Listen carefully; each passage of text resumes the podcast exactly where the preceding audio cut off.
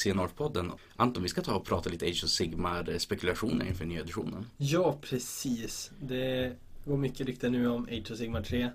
Det är ju inte ens confirmat från GV att det kommer, men det känns ju absolut som att det är på väg. Och har vi tur kanske vi får en konfirmation redan i veckan. Ja, men visst känns det lite grann om du minns hur det var inför slutet av sjunde editionen i 40K. Att det kom så här typ att eh, Katie höll på att falla och det kom så mycket saker som in, gjorde låren att det gick fram och Mm. kom nya bataljoner, nya karaktärer som, som Gilliman och kompani. Ja, men precis. Det är som ganska tydligt att de gjort så här tidigare. Även när nionde kom nu så släppte de eh, Psychic Awakening inför det. Och nu har vi våran eh, Broken Realms som snart är slut med Kragnos som sista och fjärde boken. Ja, det, de har släppt dem i ett jävla snabbt tempo faktiskt. Ja, var lång tid mellan de två första. Ja, Moratio Teklis. Och sen bara pang, pang, pang. Men det beror nog på covid-situationen. Ja, att ingenting är on schedule. Nej, och Brexit. Men eh, vad, vi kan ju kanske börja med vad hoppas vi att det kommer för förändringar? Mm, Jag kan ju börja med att eh, jag har tänkt lite grann på hur det command points då fungerar. Till exempel eh, om man tänker som lite om man kollar på hur GW har gjort en tid att man ska kunna lagt in en mekanik som de sen så här prövar hur den fungerar via andra fraktioner och sen så hur de gör det i nästa edition. Och min tanke är ju framförallt på så här typ som hur typ Caradron och Lumineth har sina egna resurser men också Osiarker har sitt eget sätt att generera poäng samt att Serafoner har ju mm, Ska vi kalla det nästan samma sätt? Att de har ett sätt att få typ så fem command points och sen bara köra hej vilt med olika ganska Ska vi kalla det basic command abilities som bara som ökar på deras stats? Ja, men precis. Och jag, jag tror att det är som lite grann en indikation av vad vi kommer kunna kanske se hur command points fungerar i det nya systemet. Men verkligen, det är ju dessa arméer som har dessa egna resurser. Jag tycker det lägger till ett extra lager på dem som gör dem roliga att spela. Jag spelar mycket Osiarker och att just leka runt med dina relentless points. Eh, det är väldigt kul tycker jag och att få mer något sånt i command points skulle jag absolut uppskatta att man ja, men får eh,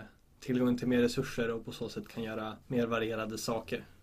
Även om jag spelar ju inte jättemycket Serafoner så jag blir lite småbitter varje gång man ser någon få typ din, ska vi ta din skinklista som exempel. I matchen när du spelar, hur många command points skulle du säga att du snittar per runda? En bra fråga men kanske tre extra. Mm. Och jag menar, det är ju extra res- resurser att leka med och det är som en rolig grej att man får som mer att lösa problemen på Jo, bordet. Verkligen. Och det, jag tror att det skulle vara nyttigt för att alltså, flera arméer skulle få liknande sätt att mer att spela med Ja men precis och det såg man väl lite grann i senaste 40K att, att man inte behöver ta flera detachments för att få command points utan att man har en standardiserad grund som man börjar med. Det gjorde att många arméer kunde ta mer eller få mer poäng utan att behöva komplicera till det. Jo precis, och just det här med detachments nu när du nämner det. Att det, det är väl lite samma med bataljon Age of Sigmar. Och det, alltså, det är ju som en ganska stort eh, grej med spelet som jag vet att många tar stör sig på. Och jag också stör mig lite grann på. För alltid när man bygger armé och funderar så här. Hur många drops har man? Jo, precis. Just hur du kan bygga din armé gör lite för mycket och kanske lite för bra ibland. Ja, jag skulle vilja se att de gör någonting åt bataljones för att jag upplever att Många bataljoner är pure skräp som man aldrig ser Ja spela. men precis, medan vissa är helt, varför skulle du aldrig ta den? Ja. Eller, ja, men titta på Change Chosen i Singe. Varför Mm. skulle du bygga en Singe-lista som inte är Change Chosen? Ja. Visst, Archeon-listan finns men rent kompetitivt så tar du en Change Chosen. Det är som en auto-include. Ja, och jag menar, det går ju som om vi ska jämföra med någonting. När har ni senast sett en eh, Cities of Sigmar bataljon till exempel? Ja. Och, Eller, ja men, Gloomspite och det finns ju många som helst som har jättemånga bataljoner som ja, aldrig setts. Så, men det som jag sett ryktesvägen, det är att de här generella bataljonerna, att de slutar vara matchplay. Ja, jag har hört rykten om typ det. Alltså, det ska bli intressant att se vad de har tänkt att göra med det hela om de här ryktena stämmer. För jag gillar ju ändå som själva konceptet med bataljoner, Mm. att eh, man lägger in dem på något vis. Men jag gillar inte riktigt hur det utförs. Säg att eh, de gör bataljoner mer generella. Att istället för att eh, du ska ta den där enheten, den här enheten, den här enheten så kanske det blir att du kan ta typ, man säger, eh, Cities of Sigmar. Du måste ha fyra stycken av någon av de här battleline-enheterna plus eh, någon av de här kommanderna och sen så. Jo men att eh, bataljonen blir helt enkelt som är en som generell grej som alla har tillgång till. Istället för att det blir att här kommer change med change hosten och får ett ett dropp och en superbra ability. Mm, verkligen. Jag tycker att man får inte göra dem för inkluderande kanske. Alltså du, jag vill att man ska kunna ta olika saker i dem. Att man ska kunna ha olika val. Man ska samtidigt bli låst på ett sätt som gör att man inte har ett one-drop. Och, eller att man gör om hela systemet att den som har minst drops får välja. Det, Det är också skulle kunna vara en lösning. Precis, Jo. för att det skulle verkligen göra att man kanske inte behöver en bataljon. För nu känns det som att vissa listor verkligen Ja men jag måste ha det, jag får så många bra buffer, jag får ett command point, jag får ett Ja, du snackar med någon som spelar Beast of Chaos och då är det antingen är det två dropp eller så är det lika bra att gå hem. Ja, men precis. Och det klart att det ska påverka många mer negativt. Även Mm. vissa Ikea som kanske inte ses som lika högt kompetitivt. Men samtidigt om bataljoner blir mer generella så är det mindre att eh, du inte kan bygga en lågdropparmé med att du gör valet att inte bygga en lågdropparmé. Och det är som ändå som att man tar en del av armébygget där istället. Absolut. Det kommer ju lite grann till, alltså rent scenariomässigt att eh, Någonting jag gillar är ju tanken på att man inte alltid gynnas av att ta typ så här, initiativet när du har få, chans att få en Mm. riktigt bra dubbelrunda. Verkligen. När man kollar på hur GW har laborerat med det här via scenariot de senaste åren så är det ju framförallt The Blade's Edge men också, vad heter den, eh, Relocation Orb. Precis. Att du tjänar objektivmässigt på att inte ta scenariot. Så Ja. vad tror du om det systemet? Kommer det komma typ att du tar dubbla poäng om du håller ett objektiv eller kan du plocka bort objektiv och sådana saker? Jag hoppas ju någonstans att just de två scenarierna vi har sett med buffar till att gå tvåa Mm. har kanske enligt mig varit, de har haft sina brister. Relocation Orb var lite väl random. Mm, samt att Och- du tog tre gånger så mycket poäng. Precis, det blev ganska absurt och det Knife to the Heart den heter? Nej, Blade's Edge. Blades Edge. Problemet jag har med den är egentligen inte hur det funkar utan hur objektiven är placerade för att Mm. Du, du kan, kan inte- springa fram och ta alla sex objektiv på borden runda ett ganska ja, lätt. och sen så försvinner de så att det är jättebra att gå först runda ett och sen tvåa Ja. rundan efter. Eh, Jo, jag menar även om du blir dubbelrundad så kommer din motståndare typ kunna ta max fem poäng under sin dubbelrunda och så Ja, sitter men du där på sex poäng. Precis. Så. Så det är väl det problemet jag har med den och jag tror att där är de nära på att få till det för mig. Mm. Eh, Så fortsätter de lite mer och tweakar till det så tror jag nog att det kan gå riktigt bra med någon form av att man Men säg att det hade varit typ The Blade's Edge fast objektiven var sex tum längre bak. Men precis. Och då tror jag det hade varit fantastiskt bra scenario. Kanske bästa. Scenariot i boken. Ja, men precis. Och Mm. så pass stor skillnad gör det där lilla. Men att de just har missat det där lilla hittills är väl lite tråkigt tyvärr. Så det finns ganska mycket att hämta på scenarion i form av att inte alltid ta rundan sen, Ja, som sagt, bataljoner för att ta det på summa summarum om att antingen så kommer de ändra hur droppsystemet fungerar eller så hur man bygger bataljoner och grejer. Mm, det tror jag absolut. Ja. Men sen också när vi är inne på det här med secondary objectives och grejer, att hur man spelar spelet. Mm. Det tycker jag egentligen kanske är den absolut största svagheten just nu med Age of Sigmar. De scenarierna och sättet att spela Age of Sigmar som står i boken suger. Ja, det, det är bristande. Ja, för om du ska spela Age of Sigmar bara rakt av så är det ju faktiskt bara pure win-loss. Att du ska vinna på main-scenariot Mm. och då får du major. Och då spelar inte sidoobjektiven någon roll i överhuvudtaget. Och det såg vi ju i förra 40K-editionen också. Det var Mm. och innan nionde var det Wingloss också. Mm. Men nu har de gått till ett 100 poängs system som jag tror de själva kanske rekommenderar att man spelar Wingloss. Men du får samtidigt fram en differens mellan, eh, mellan de två olika Ja, spelarna. att du vinner typ som med 40 poäng, du vinner med 10 poäng och liknande. Precis. Och- eh, och det är ett mycket bättre sätt att spela ett spel tycker jag. Mm. Och för er som inte spelar 40K, vilket är typ ingen av er, så ehm, det funkar ju 40K så att du får välja sekundära objektiv. Både från din armébok, från scenariot som spelas och ett par generella. Mm. Och det är ju något jag verkligen hoppas att vi ser i Age of Sigmar. Ja. Att du kan bygga din armé utefter vilka objektiv vill du klara av, så att säga. Men precis, jag har personligen ganska precis kommit tillbaka till 40K igen och jag tycker det är nog bland det bästa i den nya editionen att man har de här Ja men vad vill jag ta i den här matchupen? Ja men just det, här är bra mot honom. Medans i AS som det ser ut just nu, då har du några som är så här. De här tre, de kan jag inte misslyckas med. Ja, och även om jag klarar dem så spelar det inte jättestor roll för den största delen av Precis. poängen kommer från eller ja, Huvudscenario. precis. Ja, men verkligen. Och sen också hur att det är ju ganska som tråkigt just det här med huvudscenariot för det finns ju vissa matchups som huvudscenariot är typ helt omöjligt att vinna. Säg till exempel om du skulle möta en ja, men en Morati-lista på Three Places of Power och du har inte något vettigt sätt att gå in och knäcka henne. Nej. Då är det ju lika bra, alltså inte ens försöka, men tar du inte försöker får du bara stryk som det är hela nu. Precis, för hon kan ställa sig på två objektiv och bara hålla dem Ja. automatiskt i några runder. Men säg om det hade funnits sekundära objektiv som hade kunnat alltså, väga över. Då är det ändå värt att gå och kämpa för dem och hålla Men på så. precis, du får en, som en anledning till att spela. Och det är Mm. väl lite det som är tråkigt nu, att man förlorar på main set är som ganska kört oftast. Jo, men som SM-matchen som jag spelade igår, ett ganska bra exempel. Jag får min runda två, springer och tar ett till objektiv, bränner alla, sen så är det bara som matchen är över för jag leder med ett poäng. Och han kan max få åtta, så att säga, Mm. tillbaka. Och sen är det som bara som, ja men varför ska vi spela för? Vi tar bara och konstaterar att du klarar de där sidoobjektiven, jag klarar de där. Vi rapporterar in typ. Mm, precis. Det är, som, för att summera lite, det är något som 40K verkligen gör oändligt mycket bättre. Att, ja, vill jag spela min Cities of Sigma-armé med defensiva objektiv eller min Beast of Chaos-armé med offensiva objektiv och att det som ska vara en del i armébygget, jag tänker vilka objektiv jag kan ta. Men Det vore en sån jävla stor förbättring för Ja. Sigmar. Det ökar ett sånt djup i både armébyggandet och även i spelandet. För du har alltid någonting.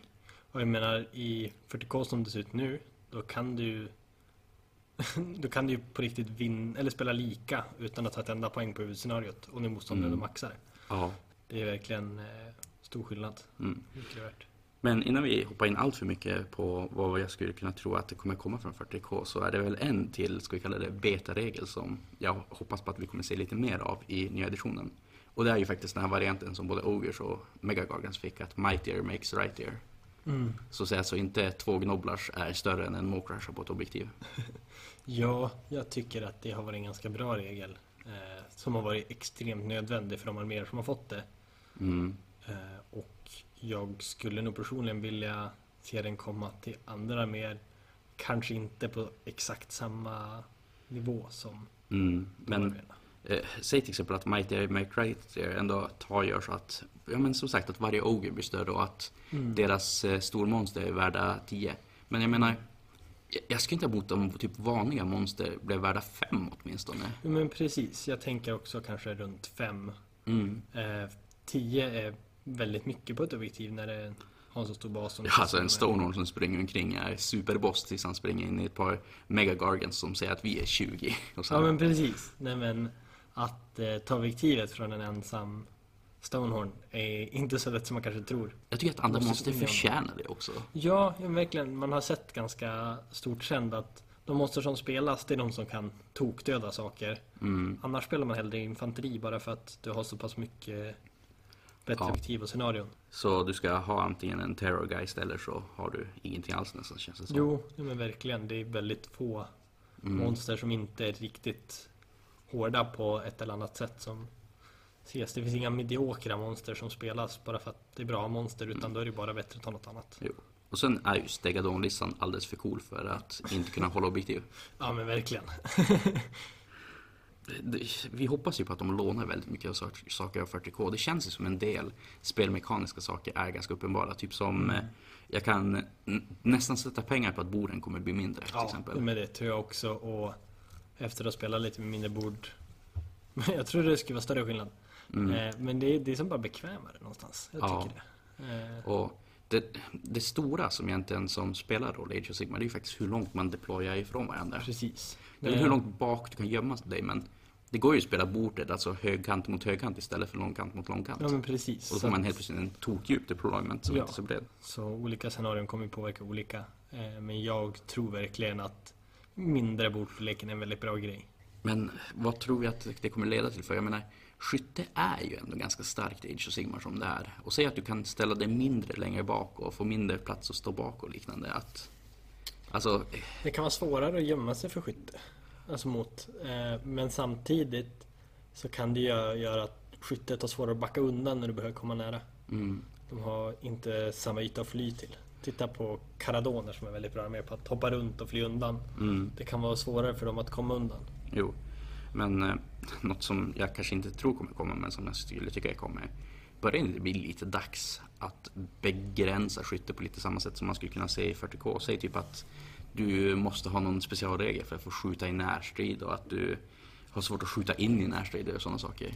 Det är ju någonting jag tycker är ganska skönt att man får. För att Jag tycker, eller det är lite både och. För att när du möter en väldigt hård skyttarmé där man spelar 40K. Jag Mm. spelar ju närstridsarmé där och det är ju som halva min gameplan att fara in i saker och låsa upp det. Medan i AS, nu spelar jag också spelar skyttarmé där just nu i mina skinks. De blir ju genast mycket sämre om de inte får skjuta i in i närstrider och det är mycket att spela runt och det blir väldigt annorlunda att spela. Jag vet inte, jag har... Jag tror nog ändå att det inte skulle vara så hemskt som jag tänker att det är. Jag har ju egentligen förespråkat de här sakerna typ sedan dag ett i Age of Sigmar. Att Mm. det ska finnas sånt. Och jag menar, jag ska du skjuta i närstrid så ska du ha typ ett, någon form av pistolvapen eller kunna ta spruta eld ur munnen eller att du eh, har en handgranat eller något i den stilen. Men jag tycker också det är lite, eller jag vet inte. Det beror lite på hur man tänker. Men ja, en pilbåge kanske inte ställer sig en halv meter ifrån någon och börjar Nej men det jag tänker är ju eh, eh, som tematiskt. Eh, jag märkte förut när man tog och spelade att eh, min eh, snabba enhet springer in i en stormkastballista och bultar på den. Den tar inte och dör av det hela så, tar den och på hela enheten. Att det känns så ocinematiskt på något Mm. vis. Men samtidigt, det kanske är att jag kan tycka att är man själv en närstrid kanske man inte ska skjuta. Men jag tycker fortfarande man ska kunna skjuta in i närstrid. Så För att kanske man landar på något vettigt så här mellanplan mellan Ja. att inte gå alls och att kunna göra det. Men verkligen. Eh, vi får se. Däremot någonting jag tycker man ska göra mot skyttet är ju terrängen. Terrängen behöver uppdateras och vara bättre. Och en stor grej jag skulle vilja se är att saker med fly inte ser allt. För då kan man gömma sig i en skog utan att Croak säger nu flyger skinksen här. Mm. Pang. Och kollar man mycket som hur Age of Sigmar ser ut just nu så är det ju faktiskt flygande skytte som är ganska starkt. För jag menar, Mm. Changehosten, Flamersen flyger, Ja. Skinkblocket, Crow kan säga ni flyger, Peradroner, alla flyger. Och ja, det är väl bara Lumine som står på backen Ja. men de ignorerar line of sight på andra sätt. Precis, så att de här hårda skyttelistorna vi ser de har något sätt att ignorera terrängen. Och det är väl det som gör att de är så pass bra. Men eh, mer 40k-saker, att de kappar alltså alla bonusar och negativa modifiers med plus minus ett. Ja precis, det här har jag ryktat, hört flera rykten om att just to hit, to wound och eventuellt även save ska kappas med plus minus ett. Och när jag tänker efter så tycker jag väl generellt att det är en ganska bra grej. Däremot finns det vissa war scrolls där jag inte tycker att det är rätt. Till exempel tittar vi på om det är zombies tror jag. De träffar 5 plus 5 plus i grund. Men när de är Mm. många då blir det 2 plus 2 plus. Ja, Däremot kan jag tycka att man kan skriva om så att en och samma bonus kan endast ge plus. Alltså säga att du kan inte få plus av två olika saker men har du en grej som ger plus två jo. så ger den plus två. Men eh, just zombies, eh, tror vi kanske att det kommer en ny Warscroll för den Ja, som är uppdaterad det för jag absolut. nästa edition. Men Det- om vi tar det- zombies som exempel på Det är det exemplet saker. jag kommer på rak arm även om det troligtvis är lite dåligt för att jag Ja. tror absolut de får en ny Warscroll. Men eh, det jag tänker ju där är ju att eh, även ifall du har typ, säg att du spelar, ja men ta Luminef-listan som jag spelar med Avellenor och ehm, eh, folk som står i Shining Company. Att Mm. även ifall du har minst två to hit så är ju det ändå ganska bra mot de gångerna som någon kan lägga plus to hit på sina saker. Ja men precis. För de kommer ju som ta ut varandra och så får du också ytterligare din minus. Ja. Jag har ju spelat mycket Gloomspike Gits där jag kunnat ge minus fyra till hit. Mm, Med Goblinät, Spindel med Sneaky Distraction. ja, inte för att kritisera dig. Anton, men satan vad tråkig lista att spela mot. Ja, inte 180 Goblin som står och säger You can't touch this, Mm, the way to go. Eh, men även om den listan kommer bli mycket sämre och det är ju inte en jättevass lista kanske från början. Är ändå nog positivt ställd till att man capar. Även om det är lite synd att vissa roliga kombos försvinner. så som att ha oss i arker med Catacross som står i. Bara helt plötsligt två plus save. Det, Jo, ja, men det är precis. tunga grejer. Som får roll. Ja. Det som är lite intressant här med save det är hur ska då även Ren funka? Men det går inte att cappa till minus ett utan jag tänker att man får väl cappa till att max ge plus ett. Ja, precis. Eller kanske minus ett ifrån annat än Ren. Den sista tanken då jag hade inför nästa edition innan vi ska sluta ha originella tankar och gå in på rykten istället. Det är ju det här med hur en spells kommer fungera. Att, Mm. eh, vi har ju sett via både Cities och Sigmar och via, eh, vad heter de, eh, ödlorna att eh, de får bound endless spells. Att, tror vi att det här är något som de testar då inför nya editionen? Se att en endless spell blir säkrare att använda. Jag hoppas inte det. jag tycker personligen att Bound eller Spells är ganska Eller det är jätteskönt när man själv spelar någonstans. Mm. Men jag tycker det är en ganska trålig, me- tråkig mekanik. Det tyckte jag redan med Invocationsen som kom tidigare i Korn, eh, Fireslayers och sedan nu även i eh, Ja. Daughters. Jo, det känns ju hela det här att de som bara lägger in en sak som ska hjälpa den att inte alltid vilja ta initiativ och sånt där och sen så Mm. gör den säker. Att, men precis, jag tycker det förstör lite av det roliga för att ja, men jag har ju spelat listor med trippla endless spells. mm, Och det är ganska kul att det blir det här, ja men du taktiserar den, ja men då taktiserar jag den. Jag tycker att det, personligen tycker jag det lägger till en, en, ett ytterligare nivå mellan Mm. rundorna om vem som vill gå först och så. Ja men jag tar rundan, ja men då dödar jag din karaktär. ja, och just ja, hmm, ska jag verkligen ta rundan? Alltså, att det blir som lite den grejen. Ja. Och Medan Bound säger, jag tar rundan och dödar din karaktär. så fruktansvärt demoraliserande när man möter Serafon. Jäkla skit Ja. där. Ja men just Bound Geminids är ju helt... Bananas. Jo, nej, men att möta, alltså, som sagt det här med Bound and Spells, det är så fruktansvärt demoraliserande Mm. på något vis. Och, Ja, jag tycker det blir värre med de här som, de här som gör damage då. Det är klart att Mm. de här som gör någon form av buff kanske mindre... jo, men alltså, de som har någon form av buff tenderar ju bara vara, Ja. alltså typ, eh, men säg typ Balewind eller Soulscreen Ja. Bridge och grejer. Alla de, det, det finns ju ingen poäng att ens ta dem som Bound. Jag menar, Nej, nej precis. Det är ju, vad heter den? Eh, Burning Head. ja, Som gör rätt titt och gör damage. Och det tycker jag också är lite synd att man tar med Bound för att normalt sett är det så här, ja men jag får rulla ett titt men det finns en chans att jag tar det mot Wounds. Mm.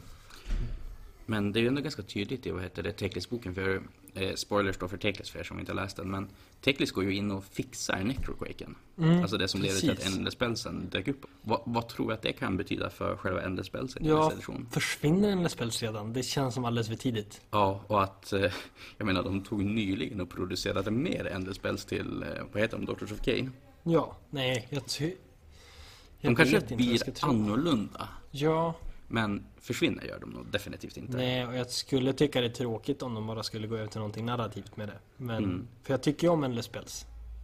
Eh, rent generellt. Det är dock vissa Endless Spells som har varit alldeles för bra eller alldeles för... Ja men särskilt Bound alldeles för... De tar bort det som är Mm. roligt med dem. Du får säga Bound Geminid som du vill. Bound Geminids, Geminids, Geminids. Ja, nej, och jag håller ju definitivt med om det. Och ja, nej. NSPLs får gärna finnas kvar, men de behöver se över vissa saker. Typ som Mm. hur Serafon använder dem. Jag skulle varit okej med precis. att Serafona inte kunde hyra in eller Spells. Men däremot om de haft, hade haft en skin-karaktär som kastade den där Bind Ja, men och den blev Bound. Ja, För det kräver ju ändå resurser ja att lägga på verkligen. Eller, ja men... Säg bara att du har en command ability som säger att jag får styra den här spelsen även om det är... Ja. Alltså någon sån grej. Eh, Nå- Något som någon måste spendera resurser på ja istället men för att verkligen. bara 10 poäng Ja, extra. ja Jag 10 menar- poäng är på tok för lite. Ja, men, det- alltså på riktigt, Bound Geminids borde kosta dubbelt så mycket. Ja, jag Och nästan vill hålla med. Om, eh, har du någon till tanke kring vad som borde komma i nästa edition eller vad vi kan se? Eh, Jag hoppas väl framförallt på nya sekundära. Jag hoppas på mer common points eller resurser generellt. Mm. Eh, Någon form av trängändring. Eh, Bättre trängregler generellt. Och eh, ja, även att Realmsen kanske ska spela lite mer roll. Ja. Ha De- vettig innebörd. Nu känns det som att jag har ändå börjat tycka om flera av dem när jag Ja. spelat lite mer dem. Men det känns som att vissa det är så här, eh, Ja, typ Aktie och Gyran bara, eh. ja, Eller ja, hysch kanske. nej, men precis. Det är typ vaniljglassarna och Realms. Ja, medans... När du säger terrängregler, alltså tänker du att det ska man ska göra, uppdatera de befintliga som finns i of Sigma eller ska man göra det mer standardiserat som det är 40K? Att en skog fungerar alltid på det här viset och att en ruin fungerar alltid på det Ja, här viset? mer standardiserat. Jag är inte ett jättefan av de här där man ska slå för varje terrängbit. Ja, att den där blir mystical.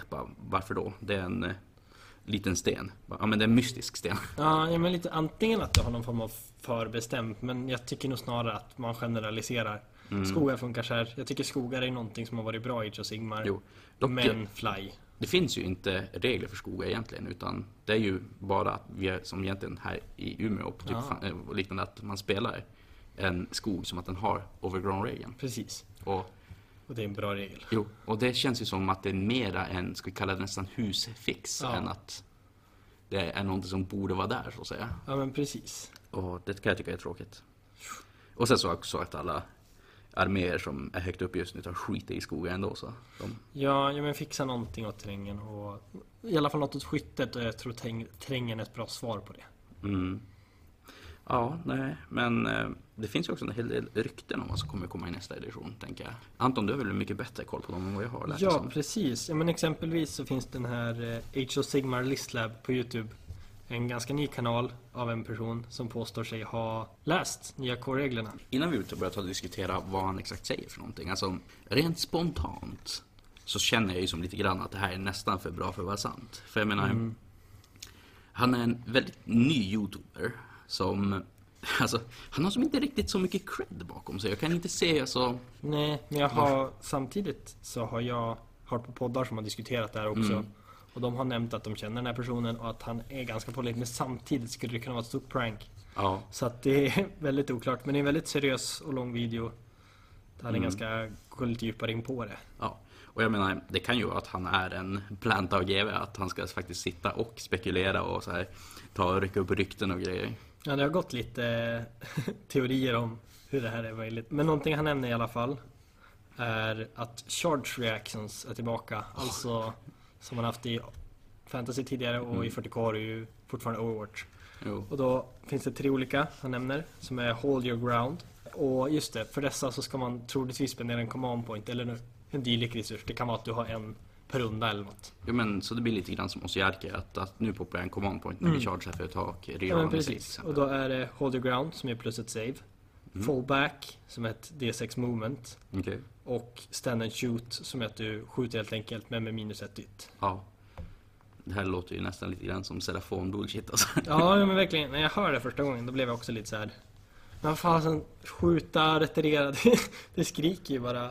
Mm. Och just en D6, säg att du ska gå tillbaka en D6, det gör ganska stor skillnad tänker jag direkt. Alltså säg att du chargear 2 D6.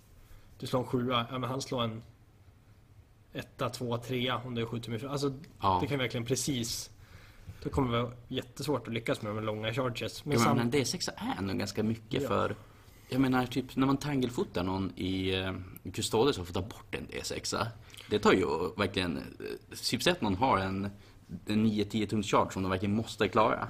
Det blir ju typ garanterat att de inte Ja, gör det. vi har ju sett spells, bland annat i Linus of Nagash finns den som gör att du chargear bara en D6. Mm. Och den har man ju sett är bra, även om den ibland inte är tillräckligt bra. Ja. Eh, men kan man spela runt den här, att man kan som komma undan och... Jag menar, typ jag tänker bara Beast of Chaos när jag outflankar med dem och behöver den där 9 tums chargen. Den kommer ju typ bli omöjlig ifall de kan ta fall, fallbacka en Ja. D6. Och jag tycker väl att det här låter ju som en buff till skyttarmér. Ja. Just för att du kan fallbacka eller ställa dig och skjuta. Mm. Den här hold your ground förmågan är dock Den tycker jag nog nästan lite mer om någonstans just för att det blir en Just nu tjänar man ju någonstans ganska mycket på att få chargen för Ja. att turar om och alternera. Men att få plus ett i save är fan en sjukt bra Ja, buff. den är nästan lite väl bra kanske. Kanske att man ska haft Ja. att Nu säger att du får plus ett till hit. Då kommer du få ta smällen. Och sen när du slår tillbaka så kan du ändå slå okej. Men jag tycker också här är ett bra exempel ifall det här stämmer. Ett ställe där du kanske ändå skulle vilja ha typ så här tillgång i alla fall. Till Mm. plus två till hit på typ ditt skytteblock. För när du får minus ett så då kan du komma över det att du får att du får plus två då så att din minus ett försvinner och så får du fortfarande din plus ett till hit bonus. Som ett ex- exempel är ju Cities of Sigma att du står nära din Hurricanum plus ett, du står stilla med dina handgunners plus ett att då helt plötsligt så blir det som en grej. Men verkligen. Oj, tror du att eh, det här är med tanke på nya eh, vad heter det, Luminous-staden? Du får plus en attack om du har fiender inom 3 tum av dig. Att, de blir, att det är för att de ska kunna stanna en shooter bättre. Ja, Med tanke inför nästa edition. så att man kan ställa sig och pang, pang, pang. Ja. Ja, just det. Satan vad farligt blir körda sentineller helt plötsligt. Ja, verkligen. Det blir en helt, en helt ny grej där. Ja. Ja, någonting annat som han nämner i videon är förändringar till bataljoner och hur man bygger en lista. Och jag minns inte exakt vad han säger. Men jag har för mig att det är något form av att bataljoner försvinner från kompetitivt spel. Alltså det här var ju lite grann också vad vi såg i, som jag nämnde tidigare, vad vi såg i slutet av sjunde av eh, 40K att då var ju bataljoner helt the craze, att det fanns bataljoner överallt för allting och att det kom mer bataljoner i Gathering Storm som sen de bara plockade bort när de tog bort alla böcker. Jo, precis. Det tredje och sista han nämner som jag kanske tycker är mest intressanta är att han säger att om man går tvåa i tur tre så får man ta bort ett objektiv från planen. Många snackar ju om att det är den första dubbelrundan som spelar roll, men Det är nog andra som oftast är viktigare. Ja, för du har ju ändå resurser runda Mm. två att typ dubbelscreena, du ska och stå i vägen och ändå kunna överleva en dubbelrunda. Men när du väl bör- börjar gå till typ såhär dubbelrunda tre, Ja. då, då kan det braka iväg snabbt för då har ju ofta de så här arbetat sig igenom screenen och de har tagit bort typ den där buff-karaktären som gjorde att du blev tankigare saker och sen så när de får den där 3 till 4 dubbelrundan så finns det risk att man slår sönder ens armé helt och hållet. Ja men verkligen. Redan runda tre så kan det bli verkligen en Mm. drastisk. Så att jag tror nog att jag vet inte. Du måste ju skriva om alla scenarion. Ja. Eh, Men det tror jag nog vi kommer se ändå. Jo, men man ser ju typ det nästan i varje GH känns det som Ja. i det här laget. Ja men precis. De behåller några enstaka och sen så skriver de. Så de har ingen problem med att producera mängder av scenarion. Vi Mm. får bara hoppas att de producerar bra. Och det är ju någonting som jag egentligen hade hoppats på att de skulle göra, att de skulle alltså, börja göra mera digitala varianter på Mm. sina scenarion. Så att de kan hålla dem uppdaterade istället för att de måste vara typ så åtta månader tidigare med att fixa dem. just det.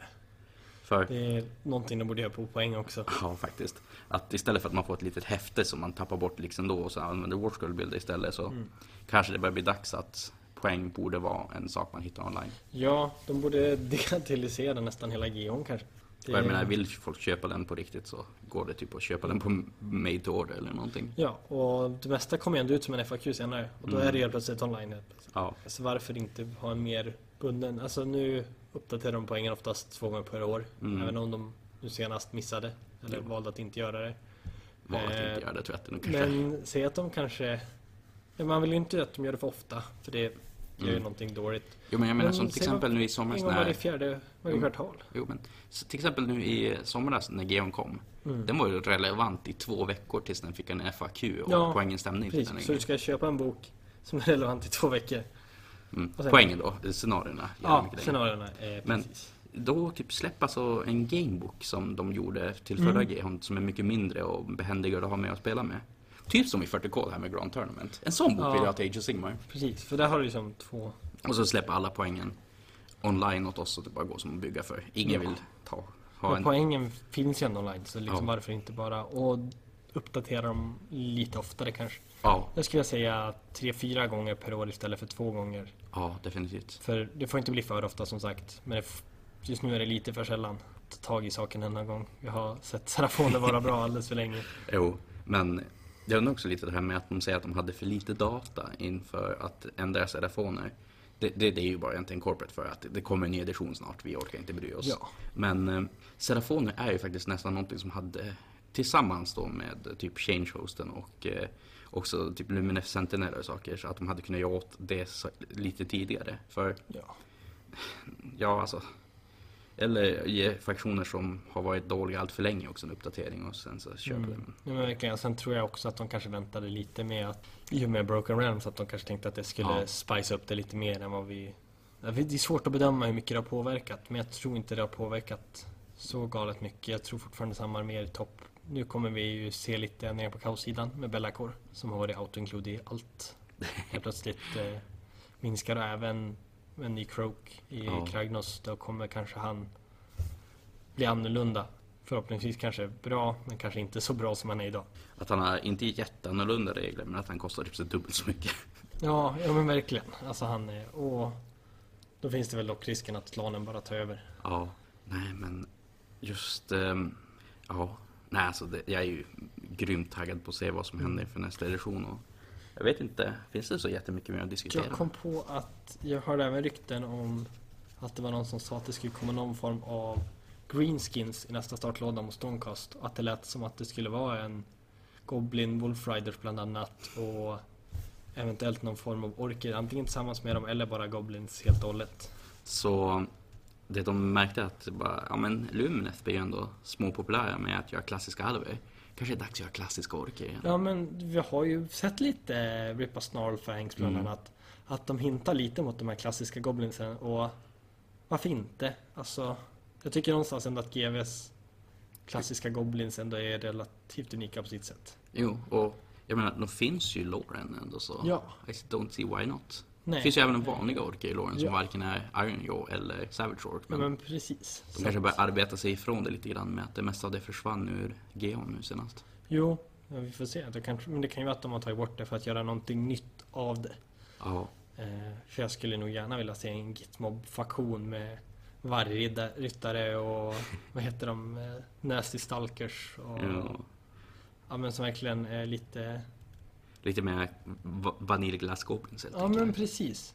Jag är ju ett stort Goblin-fan så jag vill ju bara ha Goblins i alla dess former. Men Mm. särskilt vargridande. De är ju så häftiga. Jo, men om det kommer någon ny grundlåda, är det dags för Sigmar att öppna upp ytterligare en eh, chamber? Ja, det är den stora frågan. Ja men har han ens någon mer chambers att öppna upp? vet inte. Jag tror han kan ha någon kvar. Eh, Jag tror att det är det här, vad heter det, auxiliary chambern som eh, ska typ vara Cities och Sigmar fast inte. mhm. Lite mer human... Det är att det är vanliga människor som bara är typ såhär conscriptade. Men Det hade varit rätt vänta, coolt. kommer inte Witch Hunters i Kragnos? Jo, kommer Witch Hunters. Det här Tänk var om, coolt. han tänk om det är alltså, människodelen av Asurheim som kommer. Det här var jättehäftigt. Att... Jag hade ju nästan velat se dem som en egen faktion. Ja, så tänk om det är nya Goblins mot Asurheim-människor i grundlådan. Det här var det fantastiskt. Det hade varit fantastiskt. Då vill jag ha två nya mer. Jag ska måla vampyrer också. Åh nej!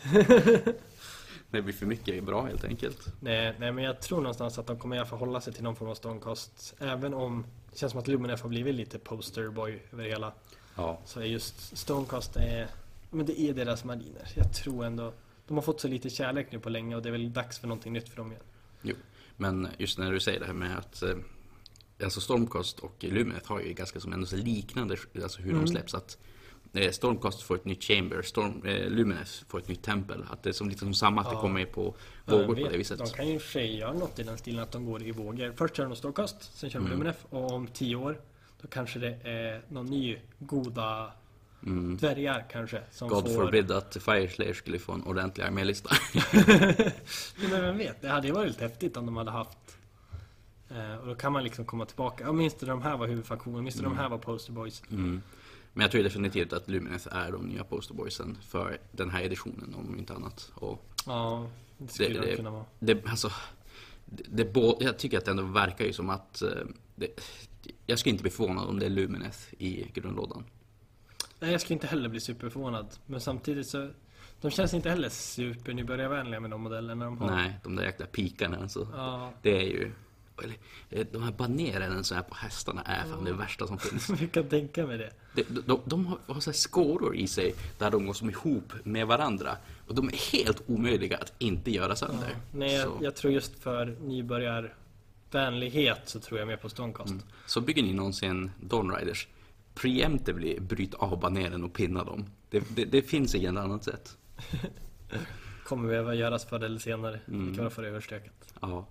Nej men eh, Anton, jag tror att det kanske egentligen allt som vi ville spekulera inför den nya Age of Sigmar-editionen. Ja. Och vi, vi får väl kanske ta och återbesöka den här temat om typ en vecka och se hur mycket rätt, fel och eh, ja, saker vi inte ens stod och talade om som kanske Ja, kommer komma. precis, om de har visat upp något mer och sen får vi se när den nya editionen kommer hur mycket rätt vi hade. Ja. Får kanske tacka för oss. Ja men tack för oss. Eh, kul att ni lyssnar. Ja, hejdå! Hejdå!